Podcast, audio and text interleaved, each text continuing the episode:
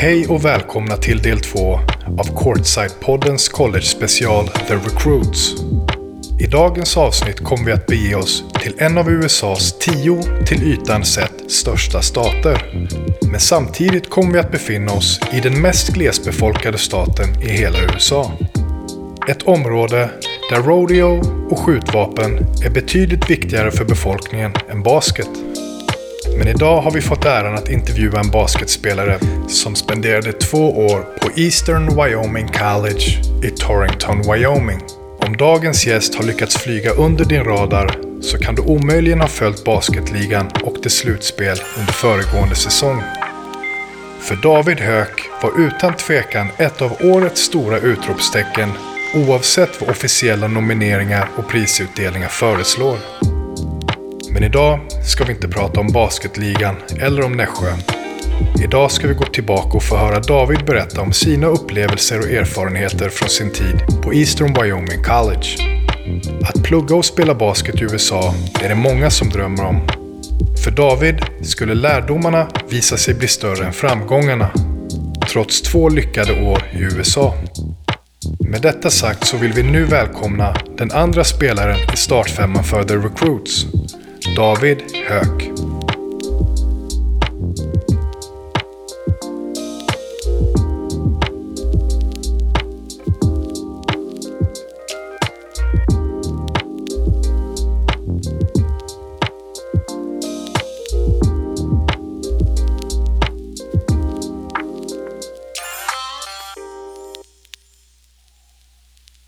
Hej och välkomna till Courtside-poddens college-special. Mitt namn är Fredrik Engström och eh, innan vi drar igång dagens intervju med David Höök så vill jag bara påminna er om att checka in oss på Instagram och på YouTube. Och följ oss gärna på Spotify och alla andra ställen där det går att följa oss. David, superkul att ha dig med här i Courtside-poddens college-special. Ja, tack för att jag fick vara här. Det är kul. Det är första gången jag spelar in någon podd så det är kul. Ja, vi tror att det är jättemånga i Sverige som är väldigt nyfikna på hur det är att plugga och spela basket på college. Så därför ska det bli extra kul att liksom göra den här intervjun och prata om dina upplevelser på Eastern Wyoming College. Ja, precis. Absolut. Först och främst så vill jag bara börja med att fråga dig om hur du hamnade där. Var liksom collegebasket något som du hade planerat sedan länge eller hur kommer det sig att du valde att åka över till USA för att spela? Ja, men det var, det var en sån här grej. Jag kommer ihåg, jag, jag var inte alls gammal. Jag kanske var med 10-11 så hade vi några kanaler på tvn som de hade college basket på då.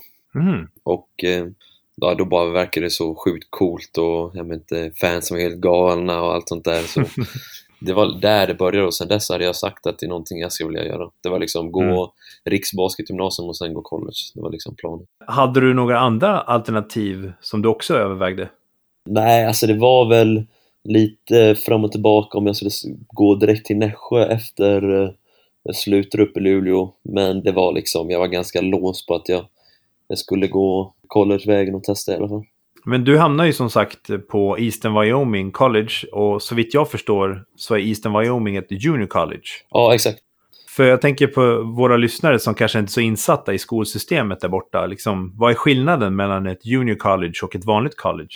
Eh, alltså jag kan väl inte de exakta, jag kan väl utifrån basketperspektivet, och då, man kan bara gå på ett junior college i två år. Ja. Och där finns inte kanske alla de eh, ja, men avancerade klasserna, det är mest de basklasserna man tar. Okay. Som basketspelare går man den vägen då för att visa upp sig lite mer och mm. ja, men för att kunna ta steget upp till en, en bättre skola istället. Mm. Är det också liksom att man ska närmare liksom till att göra visits på andra college under tiden eller? Ja, men så kan det också vara. Det, det kan vara det är svårt för coacher att kanske åka över och, och titta mm. på, på spelare om man inte liksom en uh, top recruit. Hade ni mycket folk eh, som kom och tittade på era matcher så här, från andra colleges? Och... Nej, alltså det var, jag vet inte, vi mötte jättemycket alltså, spelare som gick till riktigt bra skolor. Men vår ja. skola var riktigt, alltså vi, vi hade knappt några alltså. Jag hade någon som kom och tittade på, på mig när jag spelade men okay. innan varje säsong börjar så brukar man alltid spela något som heter en jamboree och då är det alla Juco-lag från nästan hela USA. Mm. Då är det massa coacher då som man tittar där som man får lite som en showcase nästan. Ah, okay. Och eh, det var väl där jag fick mina flesta liksom ja, men, interest ifrån dem. De skriver att vi var där och tittade och liksom sådär och ville kolla kontakten över säsongen. Ja. Så det var väl det som det, det största var för mig egentligen och mina möjligheter. De liksom innan själva säsongen. Ja, precis. Våran coach, det han sa till oss var att han ville sköta allt som hade med skolor att göra. Så om de ville kontakta Mhm. oss så skulle vi referera till honom. Aha. Vet du om han fick massa offers som han sket i eller? Ja men alltså det var lite, han sa, han kunde säga att ja, jag hade den här skolan som ringde till mig nu men nej, jag svarar inte, du vet, jag bryr mig inte om sånt nu i säsongen. Så det var Va? lite sådär, ja men samtidigt som jag hade, jätte, alltså, jag hade mycket, jättemycket förtroende för honom och Ja. ja, men, respekt för honom så, så var det lite, lite shady sådär. Och jag vet inte, nu när man tittar tillbaka på det så kan väl jag tycka för in, varken jag, Jonte som gick båda åren eller Alexander Karras eller Karl Dramme, alla svenskar då, vi fick ju inga offers i stort sett från, Mm. ja, men från den nivån vi siktar och riktar in oss på. Vad ni vet liksom eller? Ja men precis, ja det är väl inte någon som hade offers, som hade gett oss ett offer som inte vi fick veta om men Nej, det handlar mest om eh, interest som inte vi kanske fick veta av eller något sånt där kanske. nej okej. Men det var många andra på skolan som fick offers och sånt eller? Nej, alltså när jag kom till, eh, till min skola, jag kan ju berätta lite hur jag kom dit, Mm. för det är lite intressant för eh, Amanda Kant var det som var först nu va? Eh, Ja, på, ja men precis. Hon gick ju också upp till Luleå och eh, hade ju den här coachen som, som var och tittade på dem ganska ofta. Ja, Eh, han var min assisterande coach, eller vad säger jag, min, min head coach i Eastern Wyoming. Så det var inom den vägen jag kom dit Ah, egentligen. okej. Så han hade varit och tittat på tjejerna, hade kontakt med Micke Johansson då, ja. som, ja, men, som tyckte att ja, men, han, han, jag gillar honom så du borde Mm. testa att spela för honom. Så ja, det var på den vägen jag och Jonte kom dit. Då. Ah, okej. Och de ville ha liksom er båda två Ja, på en precis. gång liksom? Ja, exakt. Ja, jag, jag och Jonte, genom de två när vi var där så var vi väl de mest ja, men, betydande spelarna i laget. Mm. Och det var ju något jätte, det var ju något alltså, perfekt för oss att vi fick stora roller. Det är inte alltid man Ja. får det som förstaårselev Nej, precis. eh, på skolor och få, få spela mycket. Så det var, det var väldigt viktigt faktiskt. Ja, kul. Att gå på college som basketspelare in- innebär ju mycket mer än att bara spela basket. Hur valde du liksom vilka kurser och vilka ämnen som du skulle läsa? När jag kom dit så var jag väl inte riktigt insatt i exakt vad det var, vad jag ville. Och då kan man ta liksom några strökurser egentligen första året. Mm. Det finns då vissa man måste ta och sånt där. Jag riktade väl mig lite på, eh, på business mest. Men eh, jag fick väl ingen degree det till slut, jag bara gick ju två Mm. år. Men eh, alltså som junior college också, där, dit går man väl som amerikan om man har det tufft i skolan eller om Mm. man eh, Vi hade ju killar i vårt lag som inte riktigt klarade skolan, som inte fick spela till slut. Aha. Så det är väldigt speciellt. Alltså, junior college, det är... mm, Man, alltså, alla är där för att försöka överleva. det är faktiskt så.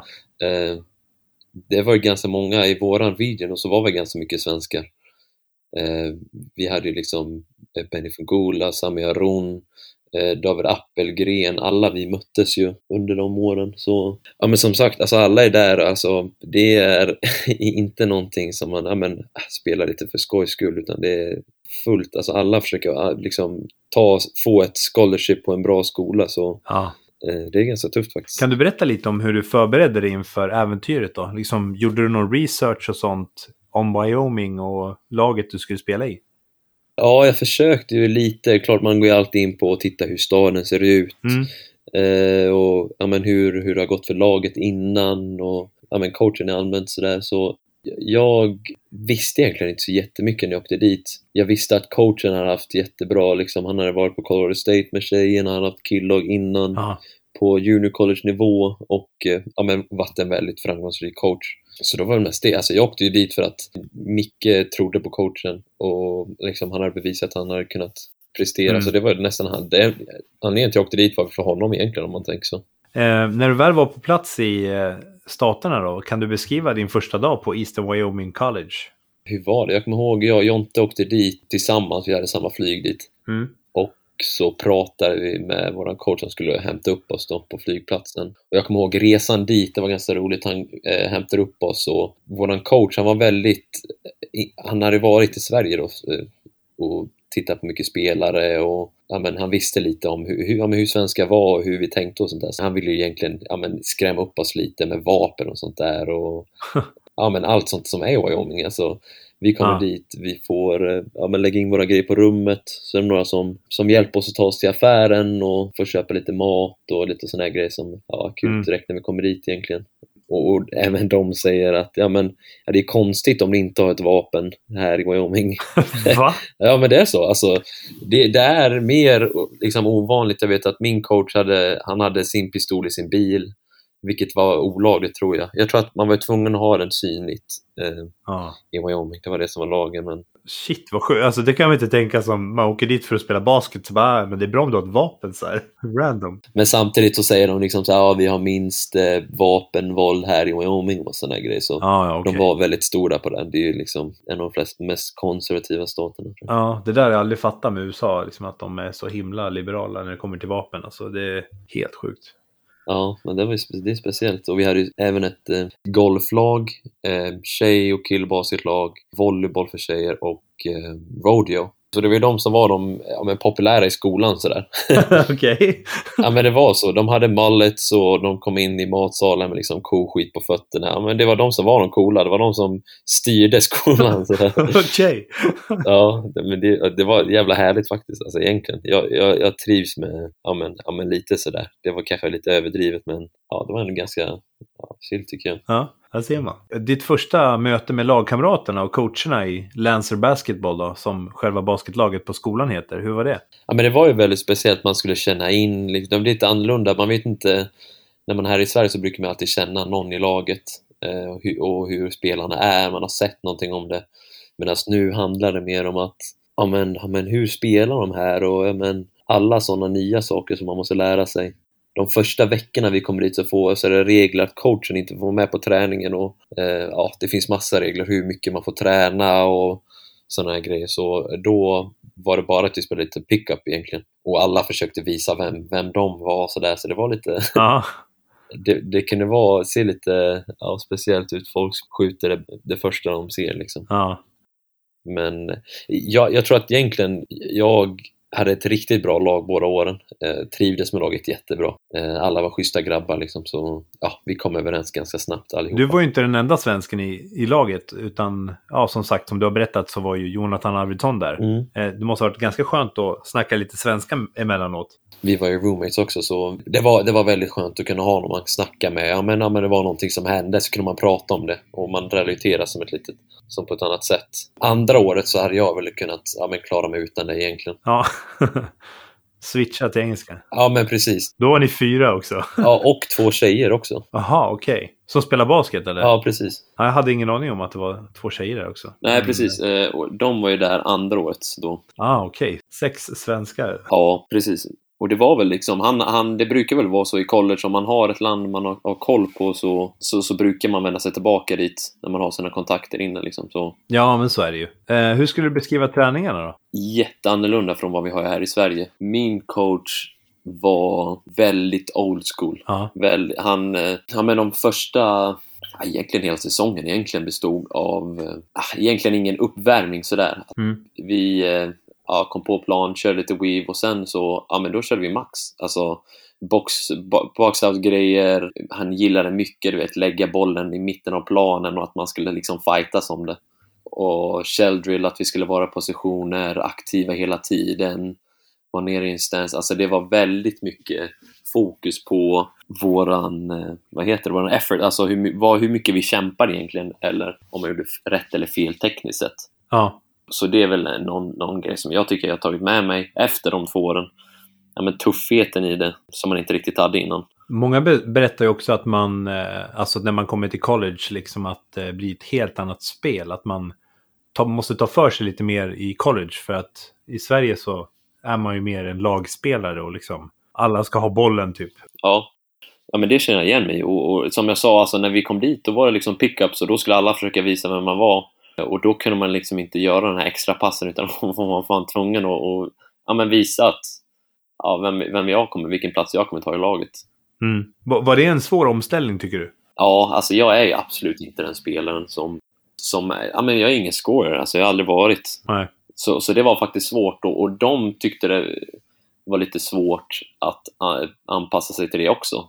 Många såg väl att jag var en, en, en bättre spelare, kanske en bättre skytt än många, men jag kanske inte sköt de skotten som de gjorde. Och de hade lite svårt då. Ja, men vad, vad håller du på med, typ? Förstår. Ja, just det. Du hade ju vid det här laget redan spelat basket i Sverige väldigt länge. Och hur skulle du säga att det skiljer sig mellan att spela och träna i Sverige jämfört med att spela i USA? Ja, alltså om, om man ska prata eh, junior college generellt så är det väldigt högt tempo. Mm. Många tidiga skott. På, Mm. Man spelar ju 30 sekunder istället för 24 sekunders anfall. Aha. Eh, men det är knappast alltså, någon som använder den tiden. Det var ju någonting vi försökte göra. Vi var väl aldrig något jätteatletiskt lag, så våran grej var att ja, men, köra långsamt och försöka få spelet på halvplan lite mer än eh, ja, men så många. Det var liksom run and gun och det var det de levde på. Ja. Ja, vissa säger väl att det kanske är för att man försöker få upp sina stats för att kunna ja, men visa coacher på en högre nivå, att man ja, visar upp dem lite. Mm. Medan vi, våran coach, inte riktigt trodde på ja, den individuella delen i det, utan om, om vi vinner så kommer alla få sitt liksom. Ja, eh, jag tänker på just den här 30 sekunders grejen. Det måste ha varit jätte, alltså typ när man är van med 24 så bara oj shit. Det, det är nästan värre nu när jag kommer tillbaka till Sverige. Det är väl enklare att anpassa sig att ha lite längre tid, men nu, det är speciellt de första gångerna vi spelar nu, och man direkt, ja ah, jävlar, sex sekunder kvar nu. Hur var det att spela inför collegepublik då? Ja, det är också en omställning. Alltså det, men om man tittar på... Junior college har ju inte liksom jättemycket publik oftast. Men det blir speciellt när man har den här ja, skolandan och det är en annan atmosfär. Så, så det var vissa matcher, vi hade en match vi, vi slog eh, Western Nebraska, de har inte slått dem på skolan, våran skola har inte slått dem på jag vet inte hur länge. Nej. Och vi lyckades ta dem, alltid varit bra topprankade i USA. Så lyckades vi slå dem på hemmaplan och det, det var helt galet Mm. Helt fullsatt och de hade också eh, massa elever som skulle följa med dem då och heja på dem. Jag tror att det var någon gång domarna var tvungna att säga till eh, publiken att flytta upp en rad för att de var på planen och sprang och skulle hålla på med, med spelarna och skit. Så ja, det, det är sådana saker man kommer. Det är riktigt kul. Ja. Eh, När säsongen väl var igång då, hur skulle du beskriva din roll i laget? Både jag och Jonte, alltså alla såg väl att vi var de mest betydelsefulla spelarna i laget och ja, vi fick stort ansvar direkt. Ja. Vi var ganska tajta med coachen och han, han ville spela, köra lite långsammare. Var det här någonting ni fick höra redan liksom när de försökte rekrytera er? Att ja, men kommer ni så är ni garanterade att ni får spela mycket? Eller var det liksom så här att ni kom dit och sen ja men shit, de här är grymma, vi kör. Eh, nej, alltså det var ganska... Jag, jag visste inte jättemycket faktiskt vad, vad, vad som väntade. Om man ska vara ärlig, jag hade bara det alternativet och jag ville testa på det så jag tog det och drog det. Ja, okej. Jag antar att det, känner, att det liksom tar ett tag innan man känner sig bekväm i ett nytt lag och sådär. Hur var det för dig? Hur lång tid tog det innan du kände dig som en i gänget liksom? Ja, men det är ganska snabbt tror jag. Eh, så, alltså vi var ganska tajta. Alla, det var liksom bra grabbar i laget. Ja, Det var liksom inte någon liksom som... ah, Vi hade väl ett, ett par som inte fick spela hela säsongen för att ja, men som sagt, de hade ett problem i skolan och ja, lite andra grejer också. mm. Men det gick ganska snabbt. Jag vet inte liksom hur länge, men ja, när man väl var igång då fanns det liksom ingen anledning att ja, försöka passa in, utan alla körde sitt och ja, det funkade. Hur, hur funkar det liksom med bortamatcher och sånt där? Behövde ni åka långt eller spelade ni liksom mestadels mot lag i samma region?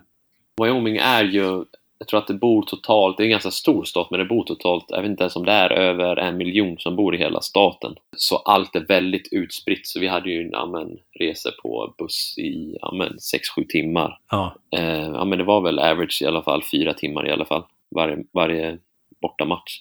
och det var i regionen eller? Ja, precis. Så det var ganska långa resor faktiskt. Mm. Vilket är, ja men till skillnad från nu, det är man lite bortskämd nu känns det som. Ja. Men spelmässigt då, liksom första säsongen, hur skulle du beskriva din egen insats på Eastern Wyoming? Det var tufft alltså. Jag kom dit och när vi väl började träna så insåg jag att alltså, jag är en av de längre spelarna här. och våran region, liksom, det är inte baserat på ja, men inside-spel direkt. Nej. Eh, och för vi skulle kunna ja, försvara det så var jag tvungen att spela på deras största spelare, vilket, ja men han var inte så jättemycket större än mig. eh, så det var väldigt svårt och jag var tvungen att flytta upp på, på liksom 4-5 positionen för att vårt lag skulle ha, men kunna vinna matcher. Ja. Och eh, ja, det var, det var väldigt tufft faktiskt, för det var svårt för mig att komma in i den, i den rollen och vetandes att ja, men, alla åker ju dit för att komma någon annanstans. Så är det ju faktiskt. Alltså man, man åker inte dit för att ja, men stanna kvar ett år till. Utan man vill ju, man vill ju komma därifrån. Det är, ju, det är ju faktiskt så. så. Det var en press och liksom, det var speciellt att hålla sig mentalt att jag måste göra det här för laget men samtidigt måste jag hitta ett sätt för att kunna visa upp mig själv. Och vilket, ja, som sagt, jag brukar inte vara den personen och kanske, det kanske inte var därför jag inte lyckades också så, så jättebra nu när man har fått det hand. Vilken position skulle du säga är den du trivs bäst i? Alltså jag vet, alltså denna säsongen har också varit speciell om man tittar så. Det är tråkigt, alltså det är speciellt. För jag har väl, tanken var väl att jag skulle spela ja, med forward, alltså trea hela den här säsongen. Eh, men sen är det, ja men som med varje lag, man får lite skador. Vi hade både Walter och Jordan som, som skadade sig och då var jag tvungen att spela point guard.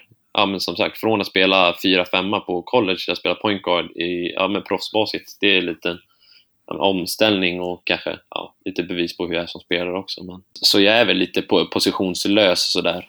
Men tre är det du känner mest bekväm med eller? Ja, det skulle jag vilja säga. Och med, med size och ja, men allt, allt sånt där som ja, betyder något. Och laget då, hur gick det för er första säsongen liksom?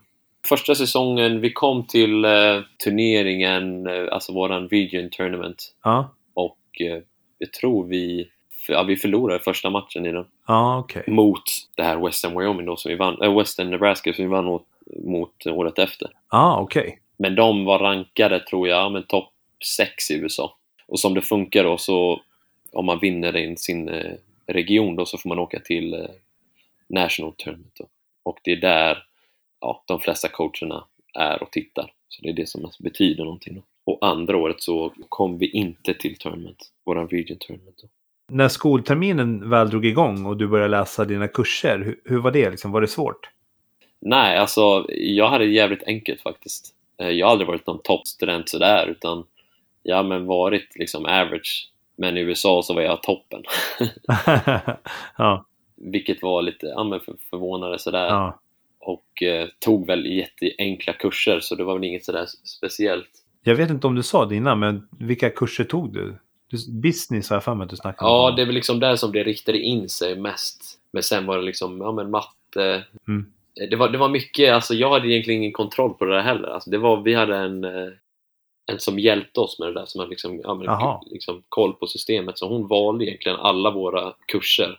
Så hade vi en, liksom, lite koll med henne vad vi ville rikta oss in, in oss på, så valde hon det ja. åt oss. vi svenskar är ju väldigt bra på engelska. Jag tänkte om det var liksom svårt så här, rent språkmässigt när det kommer till liksom, i omklädningsrummet, liksom, när man snackar place och sånt. Alltså vissa ord som man kanske inte hade snappat upp hemma eller Ja, nej, absolut. Jag tror, att, jag tror att vi har det ganska enkelt. Inom basket så använder vi ganska mycket engelska uttryck på om sånt också, så jag tror på planen var det nog inga problem. Det var ju mest det här att bara bli bekväm och inte ja, men, tänka så mycket när man pratade. Nej. Utanför planen mer skulle jag säga. Jag skulle inte säga att jag hade problem med det, men det var bara det att vara liksom bekväm i sig själv när det väl kommer till det. Ja. Sen som sagt så hade jag Jonte också. Ja, precis. Så men vår coach han var väldigt tydlig med att vi inte skulle prata svenska med, med varandra för han ville att vi inte skulle ja, men, ha som en liten egen grupp, vilket jag håller med om. Sådär. Ja. Så vi försökte att inte ja, men snacka för mycket svenska när vi var runt om alla andra. Ja, jag förstår. Men när din andra säsong väl drog igång så hade du ju en säsong av college basket under bältet. Hur gick tankarna då? Ja, det var ju, alltså man, man visste ju riktigt liksom ja, men, vad, hur alla hallar, men det är bara en sån liten grej. Ja, men hur ser den här hallen ut? Hur, hur är det att spela där? Och, mm. eh, sådana små saker som man kanske alltid nytt innan, när man är mycket mer bekväm med. Man känner all, många stannade kvar andra året också. Man kände alla sina lagkamrater, man visste vem coachen var. Mm. Eh, ja, men som sagt hur de spelade. Så det var ju mest att man bara kunde hoppa in i det rakt direkt och inte tänka efter, utan man visste liksom hur det var. Det var liksom bara att köra. Okej. Okay. Ni fick ju lite förstärkningar från Sverige och eh, bland annat Alexander Karras och Karl Dramme mm. kom ju till Eastern Wyoming. Hur var det liksom att vara fyra svenskar? Alex han bodde rummet bredvid oss och vi hängde väldigt ofta med honom. Mm. Och lika mycket med Kalle också egentligen. Kände du dem sedan tidigare? Ja, Alex hade ju spelat med några landslag och sånt där. Men ingen visste vem Karl var. Vi hade aldrig, jag hade aldrig hört talas om honom. Han gick ju i high school i Seattle med en kille som spelade i vårt lag första året. Så det var egentligen så de fick kontakt, eh, våran coach och han då. Så det var egentligen inte genom någon svensk kontakt. Nej. Gick han många år på high school eller var det liksom? Jag tror han gick, jag tror att han gick bara någon månad här i Sverige, sen flyttade han, för hans pappa bor i USA, så han flyttade dit till honom. Och... Ja, ja, då förstår man att man kanske inte hört talas om honom i Sverige liksom. Ja, men precis. Ja, det är då man brukar, eh, ja men landslag, regionlag och allt sånt där som man brukar lära känna folk. Nej, så, nej, men det är kul också, alltså, vi håller ju fortfarande kontakt med honom. Nu är han hemma i Sverige tror jag. Ja, jag har sett han hänger lite med Marcus Larsson och tränar mycket. Ja, men det är skitkul och då var det ju liksom Våran coach gillar väl lite mer europeisk, europeisk basket. Ja, ah, okej. Okay. Så, ja, då hade vi liksom några fler grabbar som var vana vid det och ja, visste hur man skulle spela ur vissa sätt som han satte upp och sånt där då. Ja. Nu hade du som sagt spelat en säsong på Eastern Wyoming och visste hur saker och ting fungerade både på och utanför planen. Var det något som märktes i ditt spel under andra säsongen? Tidigt i säsongen så stukade Jonte foten som var vår, liksom, ja, men vår point guard och då fick jag spela det. okay. Så då blev det liksom, ja men ja, nu får du spela det och eh, ja men tills Jonte kommer tillbaka så får det du som ska sätta våra spel och gav alla screens och sånt där. Ah. Okay. Så det blev ju också en liten omställning. Ja. Så jag hade väl aldrig någon liksom, ja men stabil position återigen. Nej. Så det var nästan bara trea som du inte spelade där borta? Ja men precis, ja det var så. Ja. det var liksom antingen så får du spela point guard eller så får du spela center. Ja. det var ju så. Eh, ja. Andra året, mitt krav på honom egentligen, för att jag sa jag kan tyvärr inte komma tillbaka hit om jag ska spela fyra eller femma. Och då sa han, ja men jag ska bara rekrytera stora spelare. Och vilket han gjorde. Eh, men när jag väl kom ner till det så gick det inte att spela med dem för att ja, men, vår region såg ut så att det var bara små spelare som men, running gun och då återigen fick jag kliva upp och spela 4-5 i andra året också. Så ja, det var tufft. Men som sagt, du lär ju ha lärt dig otroligt mycket på det liksom, och, och fått känna dig bekväm i den rollen också. Ja men absolut, och det är någonting jag tagit med mig nu också. Denna säsongen ja. så har jag fått spela point guard eh, vissa matcher och, och, vi använder mig som point guard. Och det var någonting som inte jag var bekväm med innan utan som jag verkligen tog med mig från USA. Mm. Eh, ja, men bara veta hur det är, liksom, vilka lägen man ska hitta när man är på posten och sånt där. Så det var någonting som, man kan se det som, som negativa saker egentligen, men det, det är någonting som jag lärde mig och fick ut ganska mycket av faktiskt. När man är en framstående idrottsman på college så får man väl ganska mycket uppmärksamhet och hög status på skolan. Var det något som du märkte av? Jo, men alltså alla lär, alltså vi var ju en ganska liten skola. Mm. Som sagt, så det var väl inget extremt sådär och som jag sa, det var Rodion som var de coola grabbarna. Mm. så basketen hade haft dåligt rykte några år och vi kom egentligen tillbaka för att skulle kunna ja, men, fixa till det. Ah, okay. Så vi var väl inte jättepopulära bland lärarna och sånt heller, men efter ett tag så lärde de känna oss. Mm. Det, man kände faktiskt en, en, skillnad mellan ja, men så fort man kom dit och när man lämnar att det känns som vi har gjort något bra här. Skön känsla att avsluta med den liksom. Ja, jo, men det, det kändes bra faktiskt. Eh, vad skulle du säga är den största skillnaden mellan David Höök den första säsongen på Eastern Wyoming och David Höök den andra säsongen? Ja, men framförallt tuffare. När, när jag tittar tillbaka på de här två åren och försöker ja, men titta, men vad har jag fått med mig och, och, och vad tycker jag har dåligt? Så kan mm. jag egentligen bara säga att det som var dåligt var att jag inte kunde komma till någon annan skola. Annars har jag lärt mig så otroligt mycket mm. om mig själv och liksom hur jag tacklar motgångar och sånt där. För det var två tuffa år. Ja. Det var så. Men jätte, på och utanför plan liksom. Ja. Hantera saker som ja, men när det inte går alltså, som man vill på basplan utan kunna hålla huvudet kallt och liksom fortsätta ja, men bara grinda på. Våran coach, eh, som jag sa, han var väldigt konservativ, liksom old school. Hans pappa var militär. Ja. Så han hade fått gått den, liksom, den skolan och han, han tyckte väl att ja, men det var så det var och han försökte få oss igenom samma struggles som han, ja, han, han ville vara tuff för att vi skulle komma ut starka. Eh, han, ja ja, men pushade på att han försökte inte få att vi skulle vara fantastiska basketspelare utan att vi skulle kunna tackla ja, men vilken, vilken sorts motgång livet än ger oss så skulle vi kunna ta oss igenom. Och, ja, det kan man ändå säga att han har lyckats med. Om du skulle sammanfatta din tid i USA, liksom, hur skulle du då beskriva dina två säsonger i Eastern Wyoming? Ja, men alltså som sagt, det var, det var tufft alltså. Basketen var, gick inte alltid som man ville. Nej. Och eh, när man inte är i Sverige och inte kan ja, men, ha sina comfort zones, då, då, är det, då är det tufft. Jag hade turen att ha Jonte, Karras och Karl andra året. Ja. Så det var, det var en stor ledning. Jag, jag har fått ja, men, skratta så otroligt mycket med Jonte, Karras. Vi har blivit otroligt tajta. Men jag och Jonte, vi, vi delade rum. Eh, vi hade nästan alla våra klasser tillsammans. Ja, men käkade frukost, lunch och middag och tränade tillsammans. Ja. Så ja, men det var som ett förhållande, det säger vi. Det var, vi var nästan som ett förhållande. Vi, vi var tillsammans i stort sett hela tiden. Basketen var liksom ingen framgångssaga för mig där borta egentligen. Utan det var liksom tufft. Men sen Mm.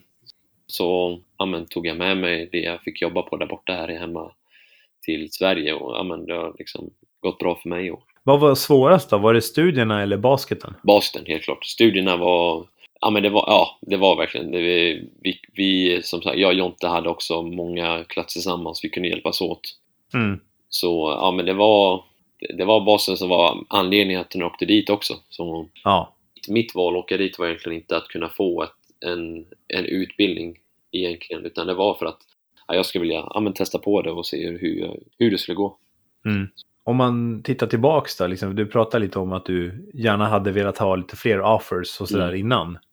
Är det någonting du tänker på du skulle ha gjort annorlunda för att få fler offers? Vad, vad tror du hade kunnat hjälpa? Mitt skolval var inte bästa om jag skulle komma någonstans. Eh, De har inte varit bra på ett ganska bra tag och de försökte komma tillbaka från ganska dåligt rykte ifrån laget också. Sen, sen valde jag att stanna kvar ett år till eh, på samma situation och då kanske man tänkte att ah, men jag kanske skulle gått någon annanstans Ja, till ja. någon annan skola. Hade du något offer där då, emellan åren? Alltså jag hade från ja, men division 2-skolor Hur blir det liksom om man går till en division 2-skola eh, från Juco och sen från en division 2 till ett D1? Är det möjligt att göra det utan att redshirta eller måste man göra det? Ja, det hade blivit annorlunda nu eftersom det varit corona. Då får man ju ett extra år nu. Eh, Men jag tror, vanligtvis så tror jag inte man måste ha red, måste redshirta ett år då också. Men jag tror att det är för att när man såg att det var så mycket spelare som ja, men hoppade mellan lagen för att de inte var nöjda och inte fick sitt liksom. De ville ju få, få sina skott. Ja, då vill de få bort den grejen. Ja, men liksom. precis. Så de ville att ja, man skulle vara trogen till sin skola. Ja, okej, jag fattar. Vilka tips eller råd skulle du ge till unga killar och tjejer som, i, ja, men i Sverige som funderar på att åka över och spela collegebasket? Ja, men det är väl att ja, men fråga alla frågor du, du, du känner. Utan man kan inte vara, vara blyg och känna att det är någon jobbig fråga, utan det är bara att ja, men vet, allt du vill få reda på är bara att fråga. Ja, Och som jag, jag hade inte de, liksom basketmässigt hade inte jag den bästa upplevelsen. Men jag har lärt mig så fruktansvärt mycket och skulle ändå rekommendera folk att åka över och testa på det. du stannade ju två säsonger och om jag minns rätt så sa du att man får bara gå max två år på Juco, Ja, eller? precis. Så det var därför du valde sen att åka hem? Ja, jag hade några offers från några skolor. Eh, Det var till och med men det var liksom bra division 1-skolor som pratade med mig och sa att ja, men vi vill att du ska spela femma i vårt lag. Och eh, min, min coach kanske ville att jag skulle ta det för att ja, men det får skolan att se bra ut. Utan ta det och så bevisar att du kan spela trea. jag ville verkligen testa på och liksom, ja, men gå till en högre nivå. Men Hur nära var du att liksom ta det där offert då? nej, jag var ganska less på det i slutet faktiskt. Ja, det var spela fyra, det är, det är tufft när man liksom vill något annat när man inte ja, men, får göra det. För, för mig så är inte min karriär över efter de här fyra åren. Nej. Så känner jag att jag, jag måste ja, men, fortsätta utvecklas så jag kan inte ta de här två åren och spela någonting som inte jag kommer göra i framtiden. Under tiden i USA då, på vilka sätt tror du att du utvecklades som spelare och människa? Jag fick väldigt mycket ansvar av min coach. Samtidigt som han var väldigt hård på saker. Om vi gjorde misstag så var han... Då fanns inte mycket som var rätt här i världen. Om, om, man fick höra det helt enkelt. Men samt då, nästa dag så fick man lika mycket ansvar. Ja, Och det var väl alltså anledningen till kanske jag stannade. Utan jag, jag visste att jag hade mycket ansvar och mm. ja, men fick, fick utvecklas på, på det sätt som en ledare och liksom, ja, men allt sånt som hänger med och, och en stor roll.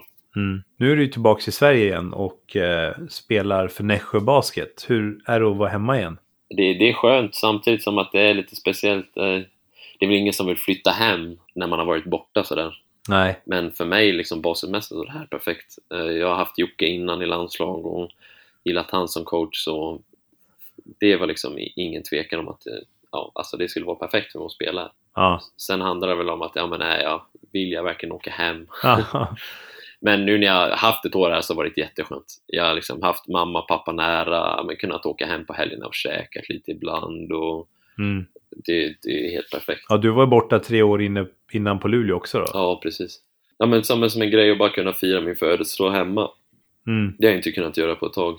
Så ja, det är väl någon, de tycker det också är skönt att jag är hemma. Så. Ja. Hur skulle du beskriva din debutsäsong då i den svenska högsta ligan? Inför säsongen så, jag vet inte, jag hade inte så höga förväntningar egentligen. Jag bara ville se hur det är. Eh, Ja. och, och, och spela mot spelare man har liksom vuxit upp och tittat på spela. Så det har varit jättekul. Jag, jag tycker att jag har återigen fått ett ja, men, stort ansvar i, i vårat lag och kom vi ändå till ja, men, semi, match 6. Ja. Nässjö har aldrig kommit. Eh, vi har vunnit en match någonsin på en, ett slutspel. Så men vi har gjort jättestora grejer. Nu är det några dagar sedan vi åkte ut här och man, man försöker titta tillbaka på det med lite, ja, med lite stolthet och sådär. Mm. Alltså jag, jag är jättenöjd med att ha kommit tillbaka. Ja, man tror inte det är många städer i, i Sverige man får så mycket stöd från ja, men fansen trots att de inte är i hallen. Nej. Men på lunchen folk som kommer fram och säger bra jobbat och det är liksom, ja det är helt sjukt. Ja, Jag önskar att du hade fått uppleva liksom ett riktigt tryck i hallen. Alltså så här, med den här säsongen också. Det hade ju varit, Ja, alltså shit. det hade varit eh, ja, men fullt varje match och alla hade varit helt galna. Ja. Men vi får hoppas att det här snart är över, den här skiten. Verkligen. Eh, ja, vi får se. Jag har inte så höga förhoppningar för nästa. Jag hade det inför denna att det skulle till slut få komma in lite, lite folk bara, men nu har jag bara, ja men vi får se om det händer. Men du har ju som sagt bjudit på ganska mycket spektakulära dunkar och många spekulerar ju i att du var en given kandidat för så här årets stjärnskott. Ja, Blev du förvånad över att du inte fick det priset? jag var faktiskt inte det. När man tittar, alltså vi mötte ju bara, han var helt sjukt. Alltså, det var ingen som kunde stoppa honom då heller, så jag är faktiskt inte, alltså jag visste inte att det skulle vara han, men jag visste att det skulle vara, jag trodde det skulle vara tajt mellan han med och Jonte i alla fall. Ja, Och sen liksom, ja men det, det är ganska mycket oväsen på liksom, internet som säger att det är orättvist och sådär men det var fansen som fick rösta, ja men kaptener och coacher och ja, så jag förstår liksom inte riktigt vad som är grejen. Klart jag, jag är tjurig att jag inte fick vinna. Jag vill, jag vill, alltså, det är klart, jag, jag vill vinna, ja jag vill vinna SM-final också. Jag är också tjurig för jag inte gick vidare nu. Men eh, jag tar faktiskt att komma vidare till, till semifinal och, och kämpa för något större än ett individuellt pris. ni skrev ju historia med Nässjö här och genom att gå till semifinal för första gången någonsin och var ruggigt nära att ta er till finalen. Hur var den upplevelsen liksom? Ja, men eh, vårat, vårat mål inför den här säsongen det var att då ta oss i semi i första grejen. Det har vi aldrig gjort i, i klubbens historia. Eh, Ja. Men nu när vi kom hit, alltså ingen i laget hade no, något tvivel på att vi skulle kunna vara, vara och fighta som ett SM-guld. Det, liksom, det är så Nej. det är. Eh, Och jag tror att ja, men vi hade alla killar i laget hade den inställningen och jag tror inte det är alla lag som hade det. Mm. Jag tror att många av de som såg oss såg genom TV-rutan att ja, men, vi hade det där lilla extra som lag som inte många andra lag hade, ty tycker jag.